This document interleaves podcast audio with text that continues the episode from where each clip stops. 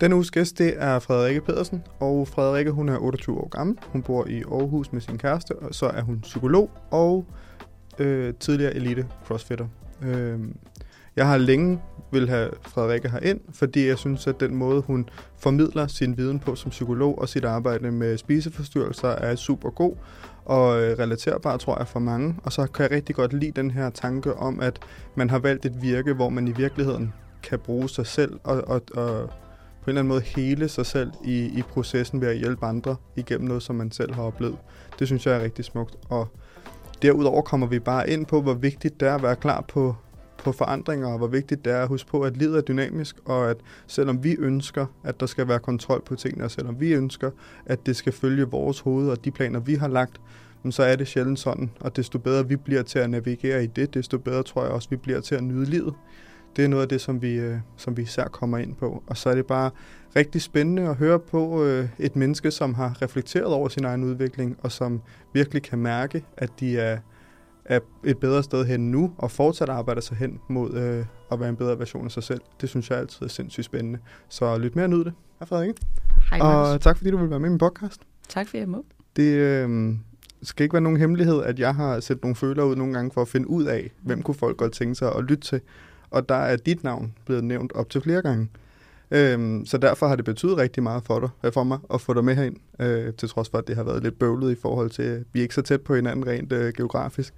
Øhm, og grunden til, at jeg gerne vil have dig med, det er fordi, at jeg kan rigtig godt lide, nu arbejder du jo som psykolog, øhm, og jeg ved, at du hjælper folk med spiseforstyrrelse, og du har selv haft en spiseforstyrrelse.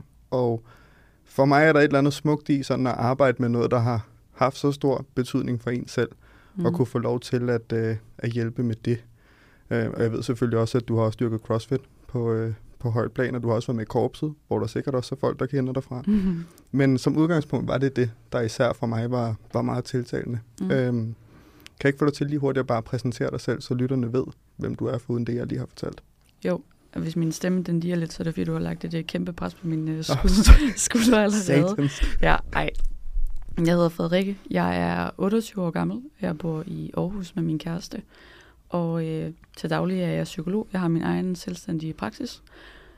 Ja, jeg tror sådan grundlæggende, at det er det, man skal vide af mig. Jeg kan ja. rigtig godt lide at træne og bevæge mig. Jeg har lavet CrossFit på elite-niveau, og træner stadigvæk, bevæger mig stadigvæk. Øh, så har jeg haft en spiseforstyrrelse.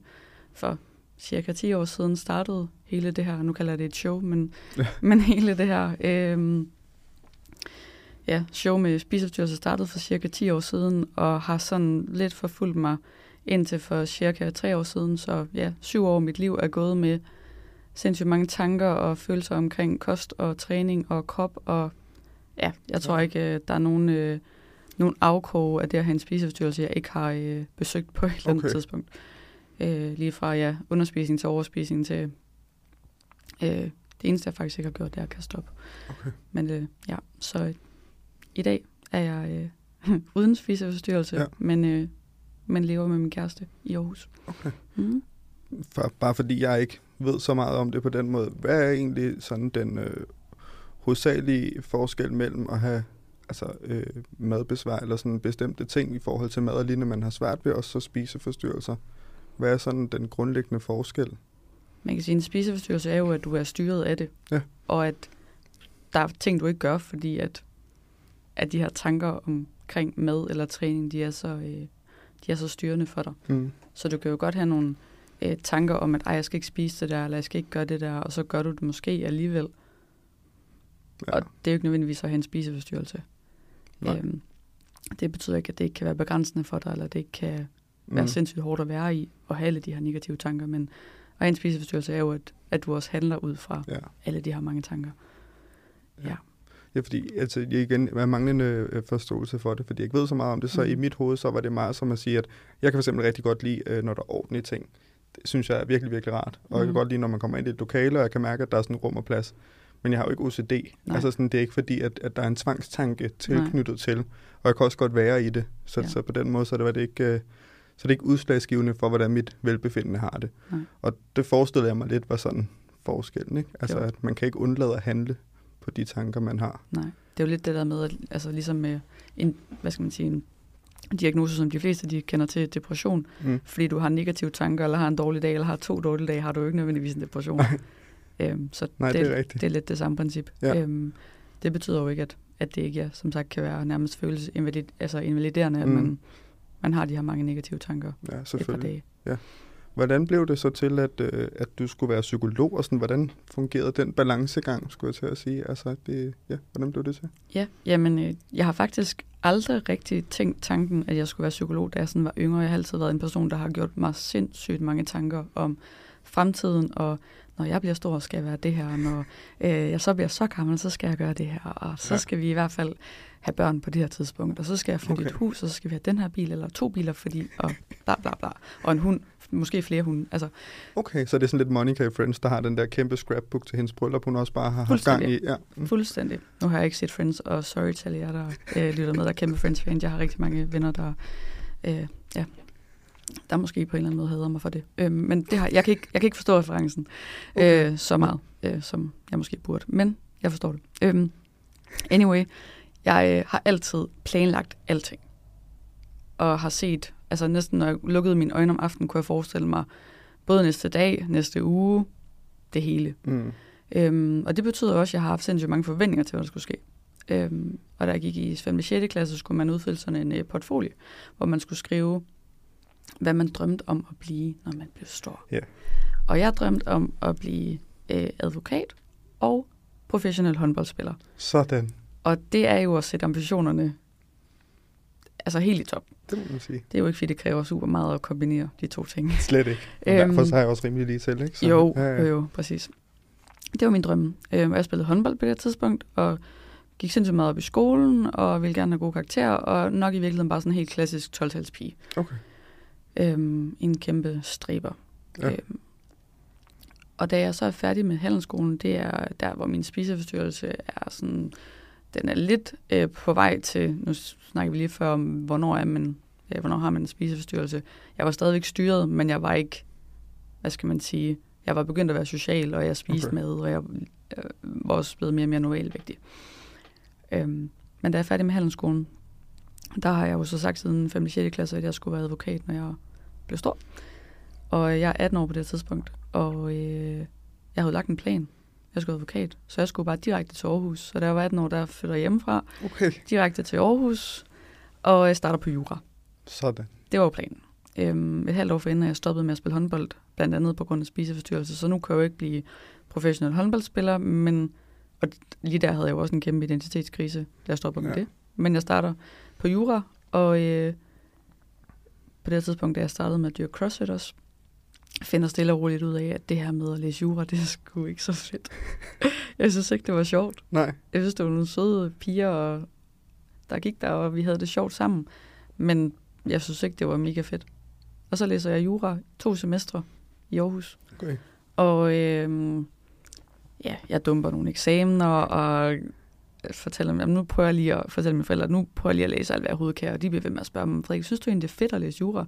Okay.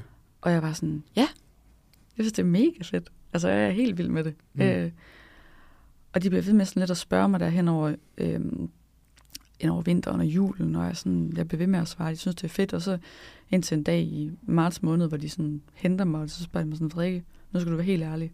Synes du, det her det er fedt? hvor jeg bare bryder grædende sammen og sådan, nej, jeg synes overhovedet ja. ikke, at det er sjovt. Jeg kan overhovedet ikke lide det, men jeg ved ikke, hvad jeg ellers skal. Og det var jo øh, igen, altså det var bare igen sådan en identitets, altså identitetskrise, fordi hvem er jeg nu? Ja, ja, det er hvad, hvad er min plan nu? Ja. Og der havde jeg lige sådan nogle måneder, hvor vi, hvor vi talte lidt om, hvad, hvad kunne jeg egentlig godt tænke mig så? Mm. Hvad synes jeg er spændende, og hvem er jeg som person? Og der stod der psykologi på listen, fordi at øh, jeg havde faktisk talt ret meget med min øh, på det tid, øh, fætters kæreste på det tidspunkt, ja. som øh, læste psykologi. Og det synes jeg var helt vildt spændende. Og jeg kan helt godt lide at tale med mennesker. Og jeg kan helt vildt godt lide at være der for andre mennesker. Mm. Og jeg kan helt vildt godt lide at hjælpe med at udvikle andre mennesker. Så hvorfor skulle det ikke være det, jeg lavede? Og så startede jeg på, øh, på psykologi efter sommerferien. Okay. Ja, så derfor psykologi. Okay. ja. Hvordan kommer man igennem det, altså samtidig med, at man har spiseforstyrrelse? Altså, hvordan er det muligt? Jeg er dybt forundret. Altså, det er jo ja. et hårdt nok studie i sig selv, og så skulle balancere alt muligt andet ved siden af. Ja. Det må have krævet øh, absurde mængder af, dig. Man kan sige, på det her tidspunkt, det er jo cirka hvad er det, halvandet år, da jeg startede på psykologi, efter at, at jeg mere eller mindre har fået styr på okay. maden. Eller i hvert fald, jeg er begyndt at spise mere, så okay. jeg sige det. Jeg er jo igen retrospektiv vil jeg overhovedet ikke sige, at jeg er rask på det her tidspunkt. Øhm, men det belaver mig selv ind. Ja. Og der er jo skabt en fortælling ind i mig om, at jeg er rask, så det er jo også det, jeg fortæller andre. Så det var egentlig fint nok at komme igennem ja. det her psykologistudie. Okay. Med en spiseforstyrrelse. Jeg dyrkede crossfit og gik sindssygt meget op i det, mm. og ville gerne, at det skulle blive til noget, der kunne på et eller andet tidspunkt blive noget konkurrence højt niveau. Ja. Fordi jeg altid tror jeg bare har gået efter, at så skulle det være det bedste, når jeg lavede noget. Mm. At jeg gad ikke lave det på sådan noget hygge. Nej, nej, nej. Motionistplan. Det er, det er enten eller. Ja. Øhm, så jeg så det ikke som et problem at læse psykologi samtidig, men jeg trænede sindssygt meget. Men jeg havde også et arbejde. Okay. Og jeg læste også psykologi. Og jeg gjorde, altså, så jeg tror bare, der hvor jeg jo så skar ned, det var jo på det der sociale i hverdagen for eksempel. Mm. Ja. Men der er jo heller ikke så mange timer i døgnet, at man kan, Nej, man kan det hele på en gang. overhovedet ikke. Så. Øhm, og det var også mere eller mindre nemt nok for mig at skære det ned, for jeg fik rigtig meget socialt igennem CrossFit. Ja. CrossFit er en sindssygt social øh, sport, ja. og man kan bruge øh, 3-4 timer i den der CrossFit-boks, og man træner 100% ikke i 3-4 timer i streg, men man socialiserer med dem, der er der. Ja. Øhm, så, og så var det jo bare, hvad skal man sige, jeg havde spillet håndbold førhen, Ja, ja. Så det er ikke, fordi du ikke var vant til også at have det ved siden af? Nej, altså jeg var det... vant til at socialisere gennem sporten. Mm. Og så var det ikke så mange aftaler i hverdagen, og det passede mig jo fint. Mm. Ja, det, det er klart. Det kan jeg ja. godt se. Og hvordan så i forhold til det her med at gå selvstændigt, og så at det er spiseforstyrrelser, du arbejder med, var det noget, du også ret hurtigt fik dig drejet ind på, eller var det noget, der kom sådan som slutprodukt? Det er jeg egentlig ret, ret afklaret omkring allerede sådan i starten af det her uddannelsesforløb med psykologi, fordi jeg jo har den her fortælling om, at jeg har haft en spiseforstyrrelse. Ja. Og, og da vi sidder der en af de første dage, og der bliver ret hurtigt spurgt øh, af en af de her lektorer, sådan, hvor mange vil gerne være kliniske psykologer. Og der tror jeg ikke rigtig, jeg helt vidste, hvilken vej jeg gerne ville gå, eller hvad jeg synes, der var fedt. Men jeg tror, jeg var ret, ret klar over, at jeg ville gerne noget med spiseforstyrrelse, fordi så kunne jeg hjælpe andre, mm. der oplevede noget af det samme, som jeg havde oplevet. Og det var det, der er lidt sådan det, det, er, det, det er sjovt, men i det her, det er, at jeg overhovedet ikke kunne se, at jeg selv stadigvæk havde Nej. kæmpe store problemer. Mm. Det var mm. bare nogle andre problemer. Ja, ja, ja, ja. Øhm. Men ja, det er også vildt med ens eget narrativ, ikke? Altså, hvor meget det kan fylde. Virkelig. Også det øhm. der, som du siger med, at man, altså, man har det bedre, så af den årsag, så tænker man alt er godt, og så fortsætter man egentlig bare, hvor hvis man så ser retrospektivt på det, så kommer man godt til, hvor hårdt det i virkeligheden har været, ikke? Ja. Altså, det, det er utroligt, hvad man kan udholde, uden egentlig at vide det. Virkelig, og en ting er jo, hvad man kan udholde, men noget af det handler jo også om, at hvis man er rigtig god til, som jeg var, at gøre det klart over for mine omgivelser, at jeg havde haft en spiseforstyrrelse, og det jeg gjorde, for eksempel, at jeg levede efter en kostplan på det tidspunkt, som jeg gjorde, at det var fordi, jeg skulle være sikker på at få nok mad til min træning, og jeg skulle udvikle mig, og jeg skulle jo præstere, og at, at hvis ikke man har nogle omgivelser, der har viden om, du behøver ikke at leve efter en, klods, altså en kostplan for at være god til CrossFit. Det behøver du ikke. Mm-hmm. Så køber de jo den. Selvfølgelig, ja. Så på mange måder mødte jeg jo heller ikke, hvad skal man sige, udfordringer Nej, eller klart. modstand i mine overbevisninger. Nej, men for hvorfor skulle du det? Du jagter jo bare et mål, så det, det er jo sådan, man gør. Præcis, og vi ja. har nok også et, på mange måder et samfund, der idealiserer det her med at være elitesportsudøver og øhm, vi ser sindssygt meget op til personer, der er vildt dygtige til at ja, holde snuden i sporet ja, og skære alt øh, larm fra. Og det gjorde folk jo også, når de kiggede på mig. Ja. Så var der sådan, ej, du er bare så sej, og du kan bare blive ved, og du skærer bare de her ting fra, og du ved bare, hvad du vil, og du gør bare de her ting, og sådan, ja, det gjorde jeg. Ja. Men jeg stoppede jo heller aldrig op. Nej. For der var aldrig nogen, der spurgte. Præcis. Er der ikke nogen gange, hvor du faktisk bare har lyst til at lade være med at lave det, du laver? Eller var der ikke noget andet, der også kunne være fedt? Mm. Jeg snakkede med min kæreste her den, den anden dag, hvor vi talte om, om det her med, om der er noget, man sådan fortryder, når man kigger tilbage.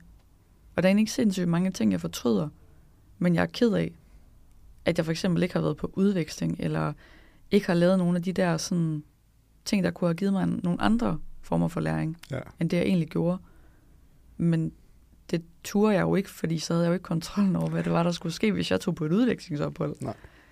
Øhm, så ja, jeg tror meget det der med, at vi selv skaber vores fortælling, men andre også i høj grad med til at... Mm, og forstærke det. Ja, ja, virkelig. Ja, det tror du er ret i. Altså, jeg tror, at det var noget af det, som jeg også selv var ramt af ret længe. Det var det her med, at jeg klarede mig ret godt i skolen. Jeg klarede mig også fint i gymnasiet. Så må jeg jo skulle videre på universitetet og læse et eller andet, fordi vi skal da udnytte, at jeg har gjort sådan her. Ikke? Og så brugte jeg hvad? Det var ikke fem år tre fejlslagende uddannelser på at finde ud af, at jeg var overhovedet ikke glad for noget af det, og jeg, jeg blev ikke bedre menneske af at gøre nogle af tingene. Og jeg havde også været 4-5 identitetskriser i, i den periode, øhm, hvor jeg så endte jeg med at tage et eller andet service job. Så gik det rimelig hurtigt derfra og videre, og tre år og tre forfremmelser senere, så har jeg jo rykket mig mere, efter jeg bare sådan slog forventningerne væk, og bare tog en dag ad gangen nærmest, ikke? Men det føles jo så forkert. Altså ja. det igen også med kontrol. Hvis man følger den bane, så fører den også til det her, ja. øh, hvad hedder det, outcome, ikke? Hvis du bare stopper nu og selv sådan gør lidt af det her og lidt af det her, men så ved du ikke, hvad i morgen bringer. Og så, det, ja, det er også hårdt i sig selv, ikke? Mm. Ja. Hvordan ender du... Ja, så nu, jeg har jo så følt lidt med på sociale medier, mm. men hvorfor lige korpset på det tidspunkt? Hvad, øh, hvad var det, du gerne ville have ud af det der, og hvorfor sagde du ja? Eller ja, vil mm. du være med? Ja, jamen, jeg blev egentlig kontaktet, og det var faktisk, som vi talte om, inden vi, øh, vi satte os herinde i stolene, at det var cirka et år siden, at jeg blev kontaktet. Og på det her tidspunkt, der er jeg nok sådan lidt et sted i mit liv, hvor jeg, det går godt med min virksomhed. Jeg når ud til flere og flere. Mm. Øhm, har flere og flere klienter. Og øh, har egentlig lige lavet sådan et, øh, min kæreste havde sådan en nytårsaften, hvor vi øh, bare var ham og jeg, og hvor vi øh, sad og skrev mål ned for 2023. Og for mig var det bare all in på virksomheden, og så bare fokusere der, og så få ro på. ja. Og øh, så går der jo så lige præcis en måned, og så skriver Carsten fra korpset til mig, om jeg kunne tænke mig at være med i det. Og så vidste jeg jo godt, at det var alt andet end at få ro på.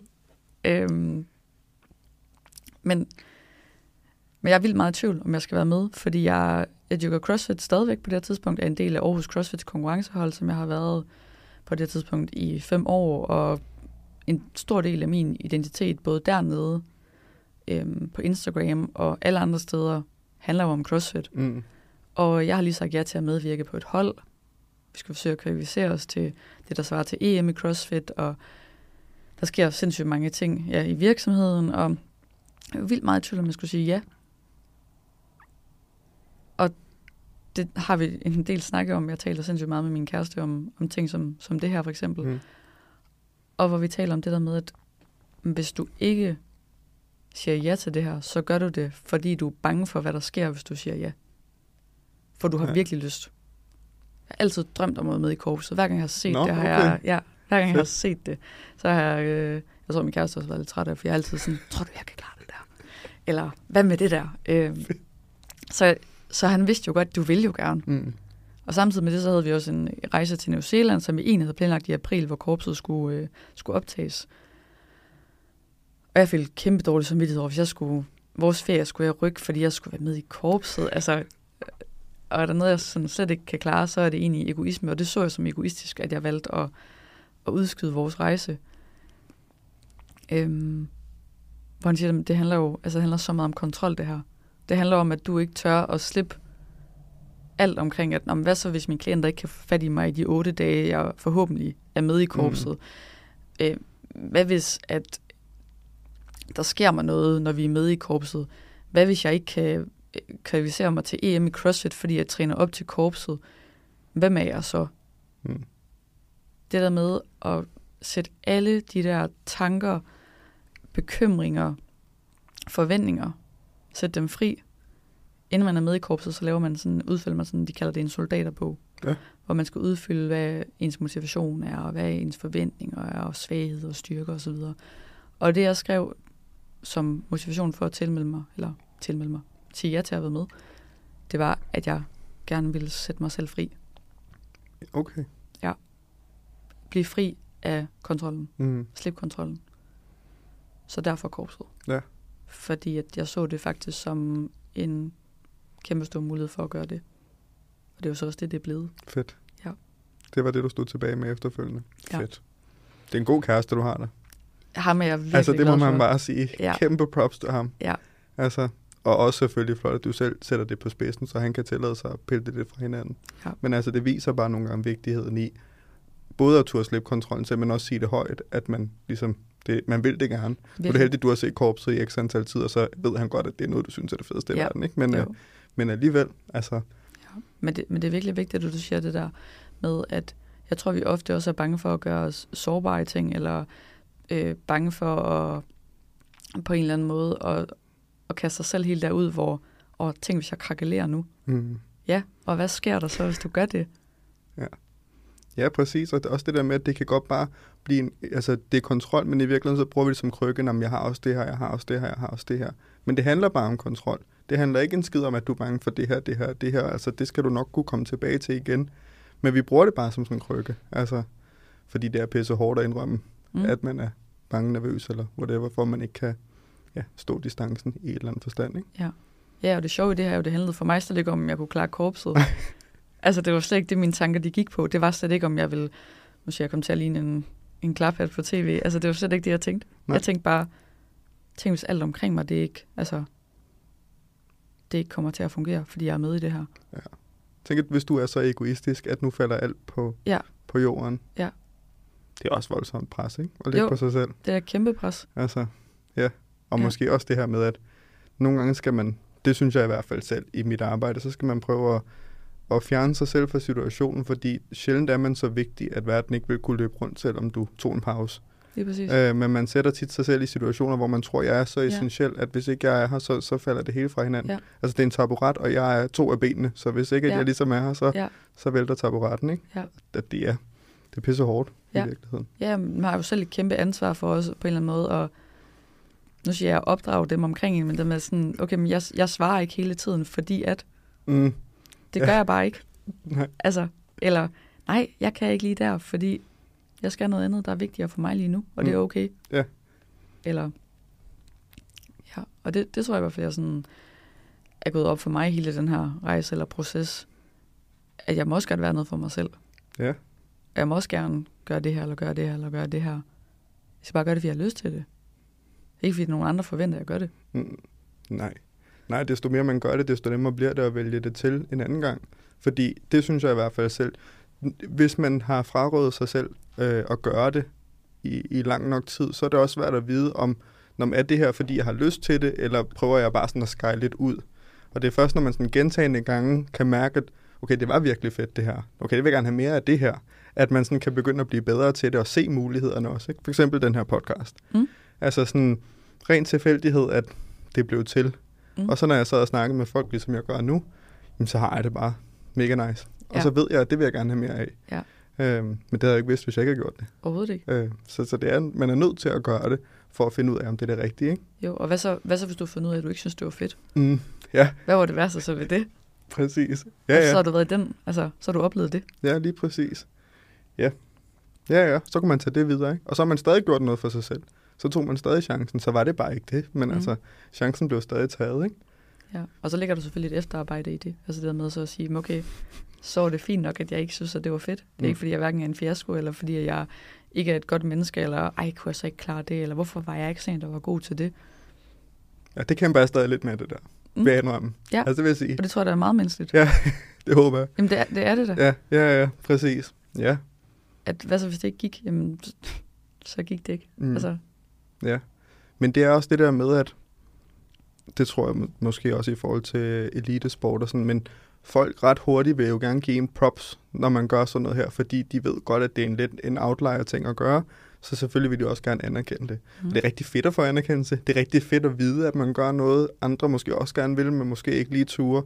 Men det betyder også bare, at tanken om så at slippe det igen mm. er endnu sværere, fordi mister man så den anerkendelse. Altså sidder folk så og tænker, at han kunne alligevel ikke Præcis. klare det, ikke? Jo, altså. og det skal, jo ikke være, det skal jo ikke være det, der fastholder en i, så at gøre ting. Mm-mm. Nej, nej, præcis. At, åh, så kan de sidde bagefter og tænke, ah, han kunne sgu heller ikke klare det. Ja, hvad fanden betyder det ikke en skid? Overhovedet ikke. Nej, ja, men det gør man jo. Ja. Det er dumt. Jamen, det, det er vildt dumt, men det, øh, ja, vi skaber jo, øh, ord kan jo gøre mange ting. Mm. Og både den kommunikation, vi har med os selv, men den kommunikation, vi også har med andre, det er jo det, der, er det, der skaber alt det her. Præcis. Forventningerne. Ja, jamen det er det. Og som du selv siger, at jeg tror også, hvis man befinder sig steder, hvor det ikke bliver udfordret nok, så bliver det også bare selvforstærkende hos en selv. Så det er rigtig vigtigt at have en kæreste, som kan sætte tingene lidt øh, i relief for en, og have en omgangskreds, som, som tør at være sådan, jamen, er det, er det det, du gerne vil? Ja. Sådan, er du stadig glad for Ja. det, du gør, ikke? Øhm, hvor jeg tror også nogle gange har vi tendens til så at lukke os mere inde i os selv, hvis vi godt ved, at der, hvor vi er lige nu, ikke er så nice. Min naturlige reaktion, hvis jeg godt vidste, at jeg skulle til at droppe det her, for eksempel, Mm. så tror jeg, det ville være sådan, ej, så taler jeg bare ikke med så mange om podcasten, så, så lader Mhm. jeg bare som ingenting, og så lige pludselig, når de ikke lige ved det, så dropper jeg det bare. Ja. Øhm, og så lader jeg bare som, ej, det var bare ikke lige det for mig. Nej. Og det er så dumt jo. Ja. Altså, det er simpelthen så dumt. Ja, hvad ville der ske, hvis du bare sagde, jeg kan mærke, det her det er ikke noget for mig. Ja, så er det bare være sådan, nå, okay, Nå, respekt for det. Ja. Det var godt, du mærkede efter. lige præcis. Ja. Jamen, det er det. Og, og det gør sig jo gældende til alt muligt. Det er jo også med arbejde. Det er sådan, hvis du sidder på din arbejdsplads, og du ikke synes, det er fedt, så lav noget andet. Ja. Der er ikke nogen, der bliver bedre mennesker, at du sidder og ikke kan lide det, du laver. Overhovedet ikke. Øhm, men vi elsker bare tryghed. Ja. Altså, så, så det er svært at, at slippe. Det er virkelig svært, og det er rigtig også ting, jeg ofte taler med mine klienter om, den der med, at hvad der ske, hvis du ikke gjorde det? Altså, vil, vil du så dø af det, eller vil, der, altså, vil verden falde sammen, hvis du ikke lige gjorde det der, eller. Mm. I guess not. Altså, Det håber vi ikke. nej. Nej. Men, det- men det er jo virkelig tankevækkende, at vi, øh, tror jeg, ofte i vores hverdag ikke stopper op og tænker over sådan, synes jeg egentlig, det her det er fedt, eller kan jeg egentlig lide det her, eller burde jeg gøre noget andet, eller vil det her også være fedt? Mm-hmm. Fordi vi bare har skrevet vores historie på forhånd. Ja, lige præcis. Og hvad fedt er der så egentlig ved livet, hvis vi, Hvis vi godt kender alle trinene alligevel. ja, Ja. hvis vi allerede nu kan se, at om 10 år, jamen der er jeg der, der, der, der, der. Ja. Men jeg synes også, vi gør det på et fejlagtigt grundlag, fordi vi gør det på den baggrund, at vi tror, at alle andre er lykkelige i det, de laver. Og så må der jo være noget galt med os. Så det må jo være sådan her, det skal føles. Altså, det må være sådan, at man skal have det, når man er på arbejde. Og så skal vi bare igennem det 8-16, og, så- og det er fint, sådan har alle andre det også. Ja. Øhm, hvor jeg, jeg tror, at det... Ja, igen, vi går og tror, at vi er så unikke, at vi føler mm. noget helt andet end alle andre. Ja. Og det gør vi bare aldrig. Overhovedet ikke. Øhm, så jeg tror også, at i takt med, at man bliver bedre til det, og andre bliver bedre til det, så bliver det nemmere helt generelt, ikke? Men hvad, for uden det spørgsmål, hvad kunne du så finde på ellers? Altså sådan, hvad, hvad er det for nogle teknikker, du bruger for at hjælpe dig selv med at slippe kontrollen, som du jo gerne vil Mhm. mere af, ikke? Mm. Jeg gør mange forskellige ting. Mm. Jeg, jeg øver mig sindssygt meget i det her med, at hver dag ikke behøver at være ens. Ja. Som jo har været en... Jeg tror for, for mange mennesker, også mennesker, der både er selvstændige, men også mennesker, der lever 8-16, eller øh, på den måde. Men, men det der med at øve sig i, at jeg behøver ikke altid at gøre alting på det samme tidspunkt hver dag, for at jeg kan fungere. Mm. Og det tror jeg har været en, ja, offer for i alt for mange år, at det der med, når der så sker små ændringer, så ved jeg nærmest ikke, hvad der skal. Hvad, hvad skal jeg så gøre nu? Okay. Så Som for eksempel hvad, hvis du lidt cool? for eksempel, øh, hvis jeg en dag øh, sover en halv time længere, end jeg plejer. Okay. Shit mand, så når jeg ikke det, det der, jeg skulle der på det der tidspunkt, og så er hele dagen nærmest bare ødelagt. Mm. Nej, nej. det var en halv time. Og du skal nok finde ud af det alligevel. Ja. Så jeg tror, at det der med at øve, jeg, altså virkelig at øve mig i, at jeg behøver ikke altid at gøre det samme hver dag på de samme tidspunkter. Alle uger behøver ikke at være ens. At være selvstændig er alt andet end kontrol. Mm. Det er alt andet end, at du ved præcis, hvad der kommer til at ske. Øhm, sådan noget som for eksempel at sidde her i dag. Ja. Ikke at det på den måde er at miste kontrollen, for det er det ikke. Men for år tilbage ville jeg aldrig have sagt, "Nå, så sidder jeg her på en fredag, hvor mm, jeg har taget toget over. Jeg sidder her, jeg tager toget tilbage igen Ja. bagefter. Men jeg synes, det er fedt at gøre det, så derfor gør jeg det. Fedt. Men, men det ville jeg ikke have gjort Nej. for år tilbage, for jeg sådan, det, er både, det er ikke produktivt nok, og det, ej, hvad jeg, altså, det dur ikke. Nej. Det er for sløset. Ja, det er for sløset. Øhm, og ja, så kan jeg sidde og arbejde i toget. Det kan også være, at jeg ikke gør. Og hvad så? Der er ikke nogen, der ved, hvad jeg gør. Mm-hmm. Og det er jo også lige meget. Ja. Så jeg øver mig virkelig i at sætte mig selv i situationer, hvor jeg ikke altid ved præcis, hvad der sker. Og jeg øver mig også i ikke altid at planlægge, hvad der skal ske. For eksempel, nu siger jeg resten af ugen, eller hvordan kommer jeg derhen, og derhen, og derhen, og derhen. Og jeg har jo været, er det stadigvæk en gang imellem, men det her med at lave to-do-lister og øh, planlægge, og øh, min kæreste havde ved at få spat af mig, jeg ved ikke hvor mange gange, fordi jeg bare har planlagt alting ud i fremtiden. Hvor sådan, jeg øver mig virkelig at hvile i, at jeg lige snart den her tanke, øh, snakkede, øh, snakkede faktisk med Mark Kålund, øh, som du jo også har haft her på podcasten, ja. hvor, vi talte, eller hvor I talte om det her med bestyd, øh, bestyrelsesmedlemmer. Ja. Hvor, øh, hvor jeg sagde, at jeg har nok et, lidt et, sådan, et bestyrelsesmedlem, der er sådan rigtig gerne vil holde styr på ting. Der er sådan rigtig gerne vil planlægge alting, der skal ske, fordi så er vi sikre på, at det bliver gjort. Ja. Øhm, og det bestyrelsesmedlem hos mig, forsøger jeg øh, ofte lige at give sådan en form for mundkur på, eller sådan, nu tiger du lige stille, ja, fordi... så lige lidt på den. Ja, fordi Mm. nu, nu prøver vi bare at se, hvad der sker. Fordi ofte har jeg jo erfaret, at når jeg prøver at gøre det, at så er det jo netop, at der sker noget, der er ret fedt. Ja. Det kan godt være, at det ikke lige var det, jeg havde tænkt. Mm. Men hvis jeg ikke har nogen forventninger til, hvad der, er, der skal ske, så kan jeg ikke blive skuffet. Ja, præcis.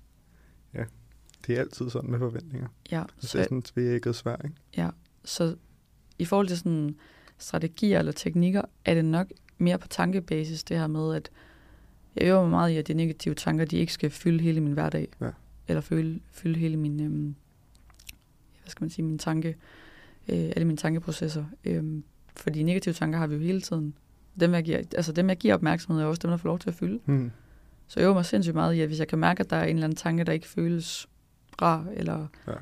som jeg kan mærke, den her, den, den vender tilbage nu, og den bliver ved med at vende tilbage, så lige sådan hæve mig op i helikopteren og se, okay, er det en tanke, jeg behøver at bruge energi på, eller er det Mm. en tanke, jeg behøver at gå ind i? Giver den mig noget positivt? Er det noget, jeg kan gøre noget ved? Mm, Formentlig ikke. Fordi sådan er det ret ofte. Ja. Fint nok, så prøv at se, om jeg kan lade den passere, og så flytte min opmærksomhed til noget andet. ja, ja, selvfølgelig. Øhm, og ja, så bare hele det her med at kaste sig ud i nogle ting, hvor de er uforudsigelige. Ja, ja, selvfølgelig. Og ja, det føles ubehageligt, men Mm. Og så ofte er det meget fedt bagefter. præcis. Men hvad så, har du så stadig fremtidsplaner, eller er det meget sådan, ligesom du sagde, så havde I et nytår, hvor I havde sådan en etårsplan, eller hvordan forholder du dig til fremtiden? Jeg har nogle tanker om ting, jeg synes, der kunne være spændende at prøve. Mm? Men det er ikke sådan, at ting, at de sådan, altså, at de på den måde er skrevet i sten, at øh, nu skal vi gøre det her, eller Nej. så skal der ske det her. Øhm, så nej, jeg øver mig meget i at være sådan, der er ting, jeg synes, der kunne være fede, og ting, som vi begge to, min kæreste og jeg, synes kunne være spændende. Men hvornår det sker, om det sker, Fedt. det ser vi. Øhm, lige nu nyder jeg der, hvor jeg er, Ja. og nyder at kunne gribe de muligheder, der kommer. Og øh, så på den måde er det ikke sådan, at jeg har fremtidsplaner på den måde. Jeg har Mhm. lige stoppet med at lave øh, CrossFit på konkurrenceniveau. Ja. Eller det vil sige, jeg holder pause. Og øh, øver mig meget i at sige, at jeg gør. Og jeg tænker ikke er definitiv. Mm, men så giver det mig nogle andre muligheder. Og det har jo været, fordi jeg helt vildt gerne vil gøre mere ud af min virksomhed. Ja. Og der bare ikke er tid til det hele. Og jeg er også sådan meget den overbevisning, at alle mennesker har jo 24 timer i døgnet. Og det er ikke fordi, at jeg ikke godt kan forstå, øh, hvad skal man sige, mennesker, der siger, at jeg har bare så travlt, eller jeg har de her ting. Jo, men vi har bare alle sammen 24 timer i døgnet. Alting handler jo om prioritering. Mm. Så jeg mig meget i at sige, at jeg har bare valgt at prioritere, at virksomheden får mere energi og Fedt. øh, hvad skal man sige, fokus lige nu. Og så får CrossFit mindre fokus. Ja. Øh, så på den måde er fremtidsplanerne egentlig bare, at jeg gerne vil nå ud til endnu flere personer, der har en spiseforstyrrelse, Ja. og hjælpe endnu flere. Også mennesker, der ikke har en spiseforstyrrelse, men det er mit fokus lige nu. Og så, øh, ja, bare nyde livet. Se, hvad der sker. Ja, Mm. det er sådan mine fremtidsplaner. Og nu siger du, række eller nå ud til nogle flere. Så går jeg ikke ud fra, at du kun tænker sådan sessioner eller lignende. Er der noget, er der så et tiltag eller lignende, du godt kunne tænke dig at være en del af for at fremme det? Jeg kunne sindssygt godt tænke mig at komme ud på, øh, nu siger jeg skoler og ungdomsskoler, men altså alt, der på en eller anden måde har med unge mennesker at gøre. Okay, fedt. Øh, så ja, det kunne være skoler, ungdomsskoler, efterskoler. Mm. Bare generelt øh, holde nogle oplæg, tale med nogle flere, Ja. hvor, hvor det ikke nødvendigvis er de her en-til-en samtaler eller sessioner, men på den ene eller anden måde, både fortælle min egen historie, men også, også et fokus på det her med, at der er en ting, vi ikke lærer i folkeskolen. Det er alt, der handler om værdier og selvværd og selvtillid, og hvem er jeg, og hvem vil jeg gerne være, og det er også okay, at der er nogle ting, der ændrer sig undervejs, og sådan generelt øh, det her med at skabe øh, altså en identitet, Ja. og den er dynamisk. ja, præcis. Øh, det kunne jeg sindssygt godt tænke mig. Det kan jeg godt forstå. Ja, og, øh, og nå til nogle flere på den måde. Mm. Øh, ikke fordi jeg ikke synes, det er spændende at have de der en-til-en Nej, samtaler, nej, selvfølgelig. men, øh, men det her med at kunne nå endnu flere, Ja. vil jeg sindssygt gerne. Jeg tror også, det bliver endnu mere øh, nødvendigt langt den der vejen, fordi en af de ting, som jeg i hvert fald har lagt mærke til selv, også med, med unge mennesker nu, det er jo det her med, at før i tiden, når man skulle skabe sin identitet, så havde man måske fem tætte venner. Og så spejlede man sig i de fem tætte venner og sine forældre, og så var det pretty much det. Ja. Og så havde man måske nogle klassekammerater og lignende, og det er fint nok. Og så kom man selvfølgelig på gymnasiet eller lignende, og så gjorde man det om igen med en lidt større gruppe mennesker. Og det er alt sammen fint, og så på et tidspunkt endte der med at være et andet produkt. Mm. Øhm, og nu er alting jo meget flydende, Ja. ja. fordi det er meget sociale medier, og du kan nå at se, det ved jeg ikke, 10.000 mennesker på en uge, hvis du har lyst, som du skal prøve på en eller anden måde at forholde dig til, hvad er det, de viser. Er det noget, jeg godt kunne tænke mig at tage med videre, ikke? Så jeg tror, det bliver endnu mere vigtigt, at vi kommer til at have flere af de her fysiske ting, hvor vi virkelig står og snakker, og de andre mennesker i et lokal kan mærke os. Øh, Det tror jeg bliver essentielt for, for rigtig mange unge mennesker. Så det skal du i gang med, synes jeg. Ja, det, det, det bliver du nødt nu har jeg til. sagt det højt. Ja, præcis. Det hjælper ofte at sige det højt. Ja, det har jeg Ja. også gjort med min Ja. podcast jo. Jeg skal jo også ud og lave en live podcast. Jeg har sagt det højt, så nu er jeg nødt til at gøre det. Nu er du nødt til at gøre det. Der er ikke Ja. andet for. Brødrefange. Ja, præcis. Men ja, jeg, ja, det skal du da gøre. Ja, det tror jeg, jeg er blevet nødt til. Ja. Det, øh, det er jo mere sådan, øh, hvad skal man sige, det her med også at være okay med, okay, jeg skal, jeg skal sætte, hvad skal man sige, sætte, sætte mig efter det, eller sætte mit, altså målet skal være, at jeg gerne vil det, men det er også okay, hvis det ikke sker, hvis det er fordi, der er noget andet, der så Ja, ja, sker i er jo stedet det. for. Og det er jo det, der er, sådan, det er, jo det, der er komplekst. Øhm, Ja. Men lige nu, der vælger jeg det helt vildt gerne. Mm. Og der er det på en eller anden måde, hvis der kan blive rum og tid i min kalender, så, øh, så er det det, jeg skal arbejde hen imod Mm. helt sikkert. Øhm, ja, så det er sådan den ene ting. Og så den anden ting, at vi sindssygt gerne vil rejse. Ja, Vi sindssygt gerne opleve ting. Og det har jo heller ikke været ting, jeg sådan før han har, hvad skal man sige, synes var det fedeste i verden. Fordi hvad så med mad, og hvad så med træning, og hvad så med dit, og hvad så med det, og kan vi det, og kan vi ikke det. Og, ja, så at kaste sig ud i nogle flere ting, tror jeg, er Mm. mit øh, sådan 2024. Øh, ikke fordi vi har lavet sådan, hvad skal man sige, en køreplan for 2024, men mere sådan at, at gøre flere af de der, nu siger jeg spontane ting, men også flere af de der sådan, ting, der giver mig glæde. Ja. Som bare er at gøre ting. mm. Ikke at tænke så meget. Ja, Jeg tror virkelig, det kan det, være er, svært. kan være sindssygt svært.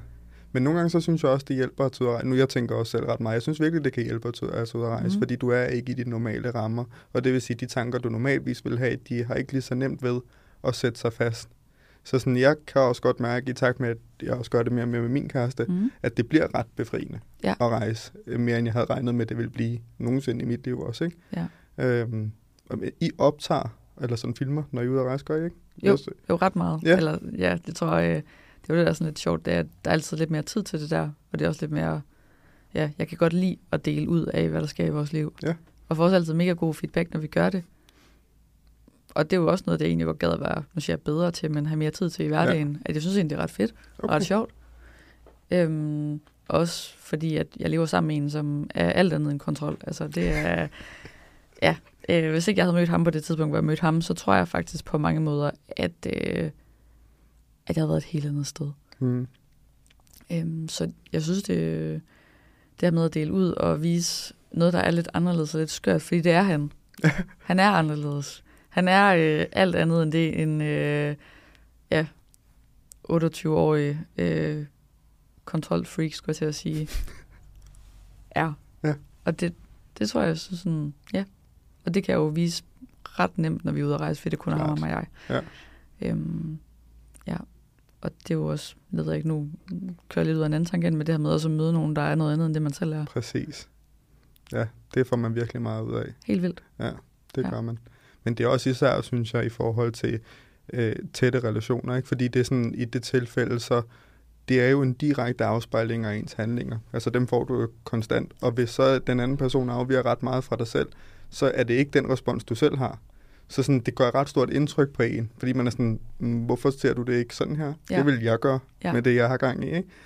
Øhm, og så har man, synes jeg selv, nemmere ved at korrigere, fordi det er sådan, der er en kæmpe respekt og alle mulige andre ting, så selvfølgelig tager man det med Mhm. sig, hvor andre gange, så vil du nok skulle bryde en vis barriere ned, hvis man skulle tage det ind. Ja. Så det er bare sindssygt vigtigt nogle gange at omgive sig med folk, der slet ikke minder om en selv ja. på, på visse punkter. Ikke? Jo. Og så er det jo fint nok, hvis man er kærester, og man har nogle grundværdier, der på en eller anden måde stemmer overens. Nok ret vigtigt. Ja, men, men det her med at være opmærksom på, at alle mennesker har nok et eller andet, man kan lære noget af. Mm. Ja, Og det tror jeg bare er vildt vigtigt. ja. Ja, og også at det gælder en selv. Ja. Det, altså, prøver jeg virkelig også sådan at, at prædike, når jeg ellers kan, at du har også et eller andet. Mm? Øh, man skal passe på med at spille lille, bare fordi man tror, at alle andre kan, og ved meget mere end en Ja. selv. Ikke? Jo. Fordi man aner det ikke Præcis. langt den vejen. Men, men det er interessant. Øhm, og jeg tror, jeg spørger tit de mennesker, der sidder overfor mig, når vi har øh, de her en-til-en samtaler, hvad vil du gerne? Hvad synes du er fedt? Hvor vil du gerne hen? Og de har jo vildt svært ved at sige det. Ja. Det er et vildt svært spørgsmål. Fordi vi også bare kan blive påvirket af alle andre hele tiden. Ja. Men hvis ikke vi dykker ned i os selv, og hvis ikke vi på en eller anden måde også er opmærksom på vores omgivelser, også siger, at det der han eller hun gør, det synes jeg faktisk er ret fedt. Det gad jeg godt at være lidt bedre til. Ja. Eller det der, ej, det synes jeg ikke er så fedt. Det, det synes jeg faktisk selv, jeg gør bedre, eller det Ja. kan jeg bedre lide, det jeg gør.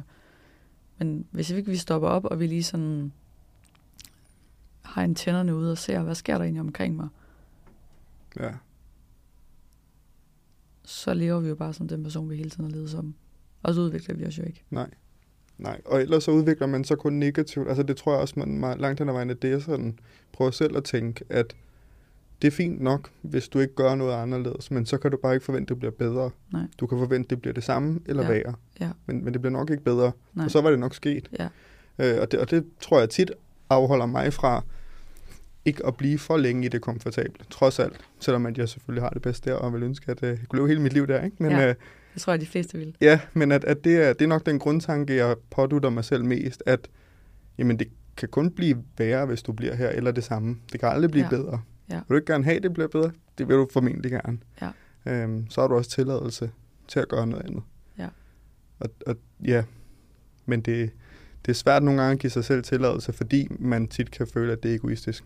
Altså tit de tanker, hvis man spørger folk, hvad vil du gerne?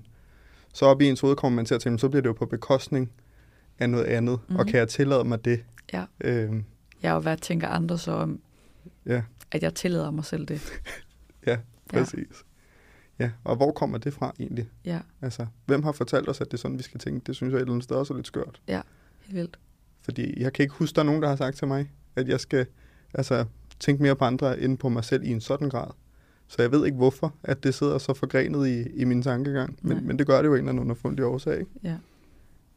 Men igen, så er det jo tilbage til, at vi som samfund, de mennesker, som på en eller anden måde er empatiske, og som sætter andre før dem selv, og øh, ja, det her med at generelt og, øh, at elske andre, eller næsten at elske andre mere end os selv, Ja, og være der mere for andre end os selv, om, ej, du er et godt menneske. Det er sådan noget, man gerne vil have at vide. ja. Ja, det er bare sjovt, fordi så står det sådan lidt i en diametral modsætning til øh, elitesportsudøvere eller lignende, som har skyklapper på, Ja. eller folk, der jagter en anden Ja. vild drøm, Ja. som også var anerkendelse, Ja. hvor det er sådan, hmm, men de tænker kun på sig selv. Ja. Og det synes vi også er rigtig imponerende. Hvor er balancen i det her, vi har gang i lige nu? Ja. Altså, skal jeg tænke på andre mennesker rigtig, Ja. rigtig, rigtig meget? Er jeg så et ja. godt menneske? Eller er jeg et godt menneske, når jeg jagter de her vilde ting og har store ambitioner for mig selv? Ikke? Lige præcis. Det synes jeg er en svær balancegang Ja. ja. at finde ud af. Det er, tror jeg også noget det, sidder lige og reflekterer over det nu faktisk. Ikke for første gang nogensinde, men, men det, jeg tror lige går op for mig i det her moment, at at det her med, at jeg tror på mange måder havde det vildt svært ved, at, at jeg vil helt vildt gerne gå all in på det her CrossFit for eksempel. Ja. Men det betød så meget for mig, at jeg var et godt menneske. Og det betød også noget for mig, at jeg øh, kunne balancere alting på en gang. Så det er for mig ikke at droppe ud af mit studie for at kunne lave CrossFit. Det skulle jeg ikke, for jeg skulle vise, at jeg kunne godt begge dele på mm. en gang. Og jeg skulle også vise, at jeg kunne være der for min familie og for mine venner og for mine veninder. Og jeg skulle også kunne have en kæreste. Jeg skulle kunne ja. alting på en gang. Fordi at samfundet har så mange forventninger, både til, at det er også fedt at være elitesportsudøver, så er du virkelig dedikeret, det er virkelig fedt. Men det er også fedt at være et godt menneske. Ej, det er også fedt. Ej, og så psykologi, og så er du sådan. Præcis. Så det der med, at vi kan ikke behage alle, altså alle. Mm-mm. Nej, det er umuligt. Men vi som samfund har bare fået, øh, fået fortalt, at det her det er fedt. Hvis du er sådan her, mm. så er du en, mange gerne vil være. Præcis. Ja, og så tror jeg også igen det her med, at øh, kvæg et samfund selvfølgelig altid er i udvikling, så vil man også få nogle øh, kontrastlignende fortællinger i samfundet. Mm. Altså for eksempel det her med, at vi vil rigtig gerne påskynde outliers, som gør noget, vi måske aldrig selv vil. Men vi vil også rigtig gerne have, at du har familiehund og kæreste, og I bliver gift, og I skal selvfølgelig sørge for at få mm. nogle børn og alle de her ting. Mm. Det sker også stadig. Ja. I skal også være gode mennesker, det er klart. Ja. Øhm, og I skal tage jeres tørn i samfundet. Ja. Det er mange, ja, det, mange ting, man skal gøre på en gang. Ja, det er meget kontrastfyldt, og det er virkelig svært at leve op til. Ja, præcis. Fordi hvordan skulle man nogensinde kunne forene alle de ting? Øh, og der tror jeg igen, som du siger, at det er vigtigt, at man finder en eller anden kerne af mennesker, hvor man siger, at det, det er deres holdning, der betyder mest. Mm. Så længe jeg holder dem, hvad skal man sige, de, altså de kan mærke, at jeg elsker mig, mm. at jeg har tid til dem og så videre, så kan jeg godt tillade mig også at gøre de her ting ved siden ja. af. Ikke? Fordi gør man det på en større skala, så tror jeg aldrig, man rigtig når i mål. Nej. Ja. Det er rigtigt. Og øh, ja, jeg tror, øh, vi er jo alle sammen øh, produkter af vores omgivelser og de allertætteste omgivelser. Ja. Så der er kun en god grund til at, øh, at skære ind til benet, og så også være okay med en gang imellem at tage nogle, nogle valg, som vi måske ikke lige tænker vil ligge lige til højre benet, eller som vi tænker vil være okay. Ja, præcis. Ja, nogle gange så tror jeg også, at vi skal anerkende, hvor fast et greb visse ting, øh, altså tanker og lignende, kan have i os, og at nogle gange kan det godt kræve mere. Altså nu øh, kommer jeg fra et sted i Ballerup, hvor det ikke er Guds bedste børn, der bliver født altid, men, øh, og jeg synes, det var pisse irriterende, da min far sagde, at vi skulle flytte væk derfra. Ja. Men når jeg ser tilbage på det, fordi vi flyttede, og jeg ikke var i nærheden af det, ja, det var et stort tab for mig på det tidspunkt, men det mm. gjorde jo virkelig meget for mig, fordi jeg skulle jo ikke længere træffe valg på deres bekostning, altså havde noget med dem at gøre. Jeg kunne kun træffe det i forhold til mig selv, og dem jeg så ellers var i nærheden af. Ikke? Ja. Øhm, så nogle gange tror jeg, vi skal anerkende, at det er okay også, at der er behov for, ikke mere ekstreme, men sådan øh, definitive ting at gøre. At gøre. Ja. Skifte arbejde, ja. flyt eller lignende. Ja. Ikke? Fordi det er en hjælpende hånd ja. til os selv. Ja. ja. Jeg tror i hvert fald, sådan, når vi så oplever de der skifter, det er derfor, vi nogle gange godt kan synes, at ej, hold da op, gjorde du det? Eller hvorfor, hvorfor gjorde du det? Eller var du ikke? Eller kom alle de her mange spørgsmål, og også være chokeret over, at nogle de fra den ene dag til den anden skifter. Det ved jeg kan huske, gang jeg skiftede fra jura til psykologi, der var alle sådan, åh, oh, det var da godt nok noget af et skift. Ja, men kan vi da lige prøve at snakke om, hvor godt det var, at jeg gjorde det? Mm. Eller kan vi lige prøve at snakke om, hey, fedt, du lyttede efter. Ja. Eller, ja.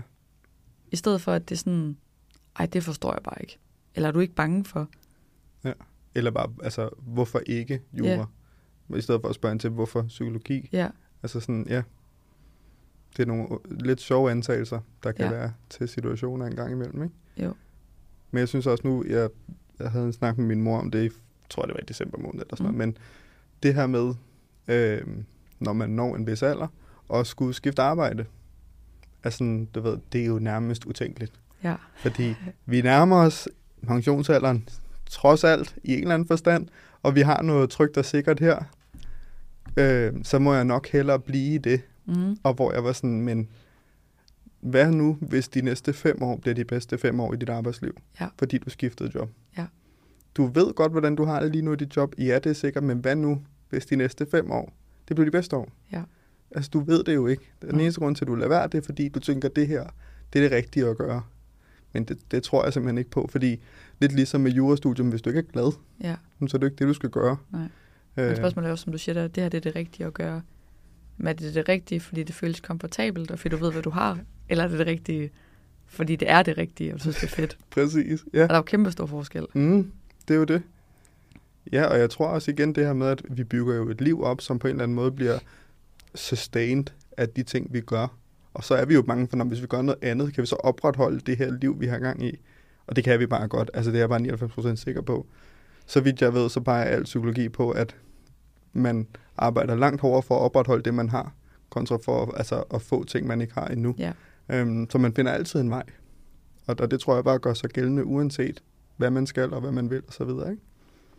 Lige præcis. Det er jo fordi, vi mennesker på mange måder, øh, vi ved, hvad vi har, og det, det kæmper vi for. Mm. Fordi at vi mærker tab hårdere, end vi mærker de der succeser. Ja. At det er langt hårdere for os at, øh, hvad skal man sige, mangle penge, end det er for os, eller at det er fedt for os at have, at have flere penge. Skønt at have det, men ja, ja. men det er, ikke, det er ikke sådan, at vi tænker sindssygt meget over, men når vi så ikke har pengene, det mærker vi hårdt. Ja, lige præcis. Ja, det er jo så det. den er uforudsigelig, altså uforudsigeligheden i at, hvad hvis jeg siger mit arbejde op, og jeg så ikke har nogen penge, eller har noget arbejde, eller Ja. hvad gør jeg så? Ja, lige præcis. Jamen det er jo det. Og så igen selvfølgelig også, fordi der er noget identitet i det, Ja. altså som, som vi er nødt til at give slip på, fordi hvor essentielt er det i virkeligheden, hvordan Ja. vi er som person. Eller CrossFit, hvor essentielt er det for dig som person at dyrke CrossFit på eliteplan. Altså sådan, du kan stadig godt være en sindssygt god psykolog, kæreste og alt muligt andet. Ja, jeg kan også stadigvæk godt lave CrossFit. Præcis, ja, ja altså, det er Altså- det. Du skal ikke bare, nu er det slut, Nej. nu er det det for CrossFit. desværre. Præcis. Jamen lige præcis, ikke? Og der er ikke nogen, der siger, at man ikke kan komme tilbage. Nej. Så uanset om det er et job, eller en sportsgren, eller hvad det nogle gange måtte være. Ja, en kæreste. så, så kan du godt komme tilbage. Mm. Altså, der kan godt ske ændringer. Livet er jo dynamisk, heldigvis. Ja.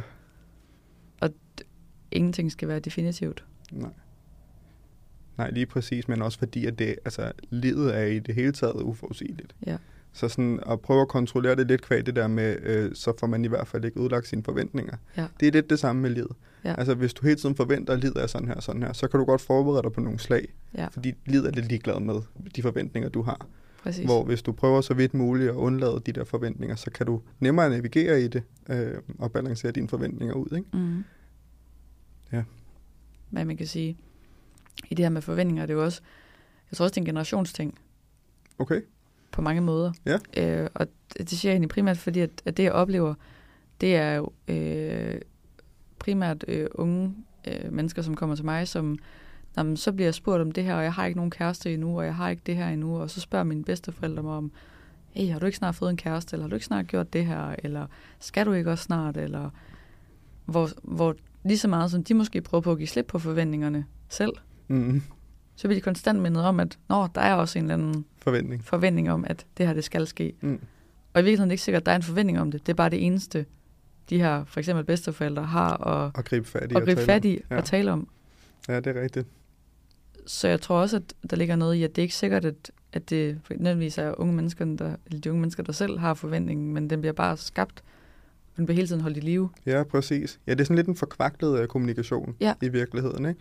Altså, fordi ingen parter, det er egentlig ikke derfor, de, de siger det. Nej, Sådan, det er ikke det, der er intentionen, nej, men den har sådan en eller anden form for øh, ja, sideeffekt, Ja. der, der så alligevel rammer. Ikke? Jo. Fordi jeg, jeg tror, du har ret. Jeg tror også tit, specielt med i det her tilfælde bedste forældre. Altså, de kan jo godt nogle gange føle, fordi der er den her generationskløft. mm. Hvad, hvad skal man så ja. egentlig Om tale om? kærlighed, det kan man altid snakke om. Lige præcis. Det kan vi alle sammen forholde os til, Ja. og jeg har også nogle guldkorn, jeg lige kan dele ud i det her, Ja. så jeg føler mig ikke helt på barbund, når Nej. jeg spørger ind til det, som Nej. jeg ellers kunne med alt muligt andet, vi Ja. skulle tale om. Ikke? Ja. Øhm, og så bliver det bare indgangsvinklen, fordi det er den, man måske selv har mødt, eller som man regner med er, er forståelig for begge parter, og man Ja. kan forholde sig til. Ikke? Det er jo, hvad skal man sige, på måde, mange måder tankevækkende, at det ikke bare er, hvordan har du det? Ja, den nemmeste i gåsøjne Ja. ja. øh, ting at spørge om. Ikke? Ja. ja. Ja, bestemt, men jeg, og det er også fordi, at den jo stiller store krav, tror jeg. Ja. Altså sådan, ikke nødvendigvis den, der bliver spurgt endda så meget som den, der spørger. Så skal du også være klar på, at de kan fortælle dig hvad som helst lige nu. Ja. Det er ikke, altså du ved ikke, hvordan samtalen den ender Nej. nu, ikke? Det tror jeg, der er mange relationer, familie, whatever, der har svært ved at håndtere. Ja. Øhm, fordi det er jo den mest simple måde at Ja, tale med et andet menneske. Ja. Det vil at spørge det, ikke? Men Ja. de gør det jo ikke. nej. Og det er jo også det, der er problemet i, hvorfor mange af de så ikke har lyst til at fortælle, hvordan de egentlig har det, fordi de er bange for, hvordan det bliver modtaget. Ja. Ja. Fordi det stiller så store krav til modtageren. Ja, men, ja, det er det, præcis. Og, og hvad hvis man kommer til at sige noget, de ikke kan forene sig med? Mm. Altså, det er jo svært. Virkelig svært.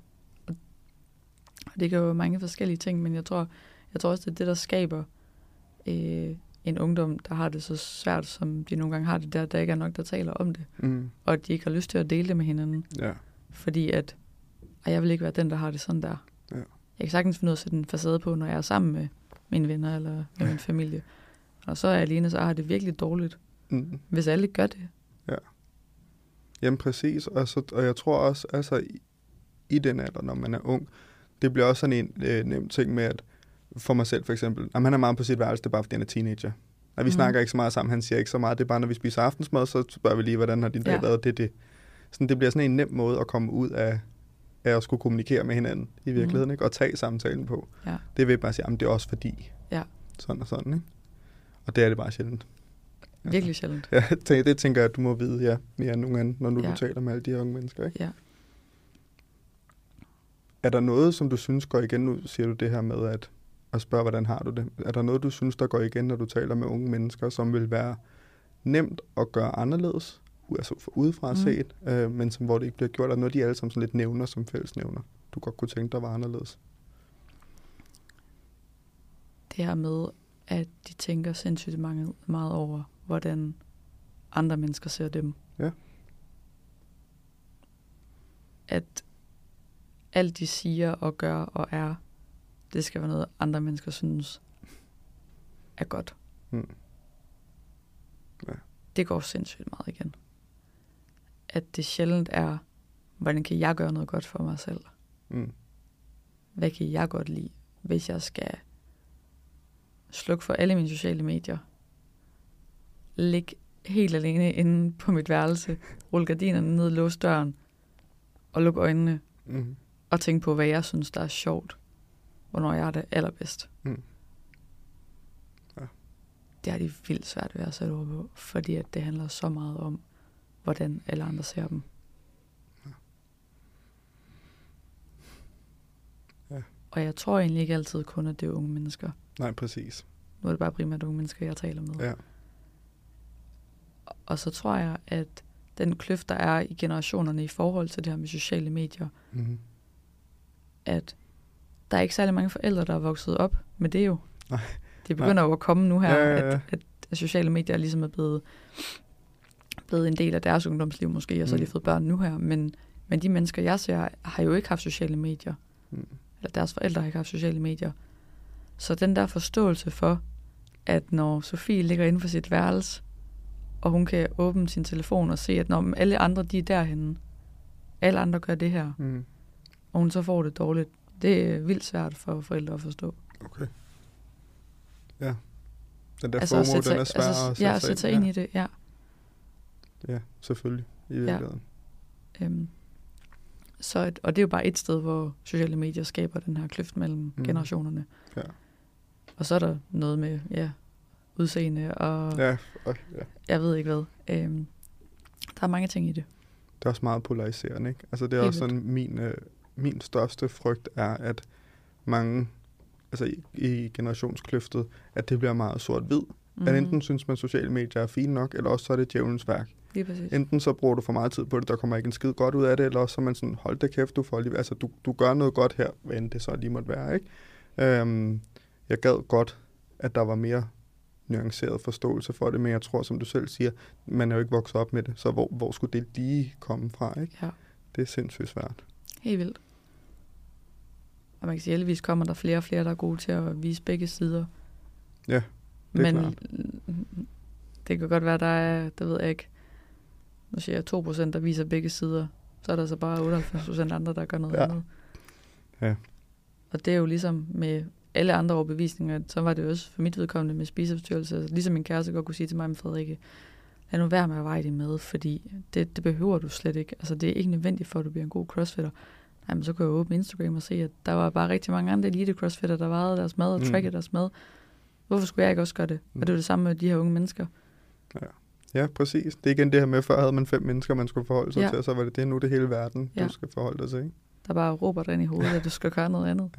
Og algoritmer, der bare skynder sig at skubbe mere af det samme indhold ind. Ja. Så du slipper heller ikke fra det. Altså, om så Nej. du vælger at scrolle videre. Hvis du har set en video med det, så kommer der nok 5, 6, 7, 8, Ja. 9 og så videre, ikke? Lige præcis.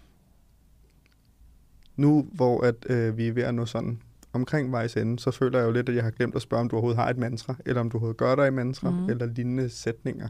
Gør mm. du det? Eller har du en sætning, du siger til dig selv, som betyder noget for dig, eller lignende? Jeg tror ikke, jeg har noget, jeg sådan altid siger. Men jeg har sådan en ting med ofte at sige til mig selv, at videre. Altså, okay. sådan, ikke, ikke sådan Olsenbanden-agtigt. Vi skal, vi skal, vi skal. ikke, på den, ikke, ikke helt på den måde. Øhm, men vi, vi ikke skal hjem, vi skal videre. Men, men mere sådan, nu har, du, øh, nu har du dvælet lang tid nok ved den her sætning. Ja. Eller ved den her tanke. Nu, nu skal du, altså, ja. det er lidt i sådan det der udviklingsperspektiv, ikke? Altså sådan, ja. videre nu. Ja, nu har vi været her nok. Ja, skal videre. nu skal vi videre. Ja. Og det tror jeg er blevet meget sådan en, en ting, jeg hele tiden tager med mig, at hvis jeg, hvis ting for eksempel er negative, og jeg synes, at jeg bliver ved med at køre rundt i de her negative tanker, nu, videre. Nu, nu skal vi videre. Nu skal du ikke søb, altså så rundt i det her øh, længere. Nu, nu skal du videre. Mm. Øhm, det er nok den ene ting. Og så tror jeg, at den anden ting sådan, som mantra er det der med, at jeg gør sindssygt meget ud af, at jeg hele tiden bare gerne vil udvikle mig. Ja. At lige så snart jeg står stille, så, så er det sgu lidt en falit erklæring. Ja, alt skal være dynamisk og ja. ja. Det kan jeg godt genkende. Ja, og det, det prøver jeg virkelig hele tiden at huske mig selv på. Men det, de spiller også godt op mod hinanden, ikke? Jo, de to. Jo. Øhm, så det her med, at som jeg sagde lige før, alle dage behøver ikke at være ens. Det udvikler jeg mig også i. Det kan godt være, det er ubehageligt. Mm. Men det er en udvikling. Ja, ja og den er vigtig. Godt, ja, ja. præcis. Fedt. Men tusind tak, fordi du var med, Frederik. Det har været en tak fornøjelse. Tak fordi jeg måtte. Det har været en fornøjelse.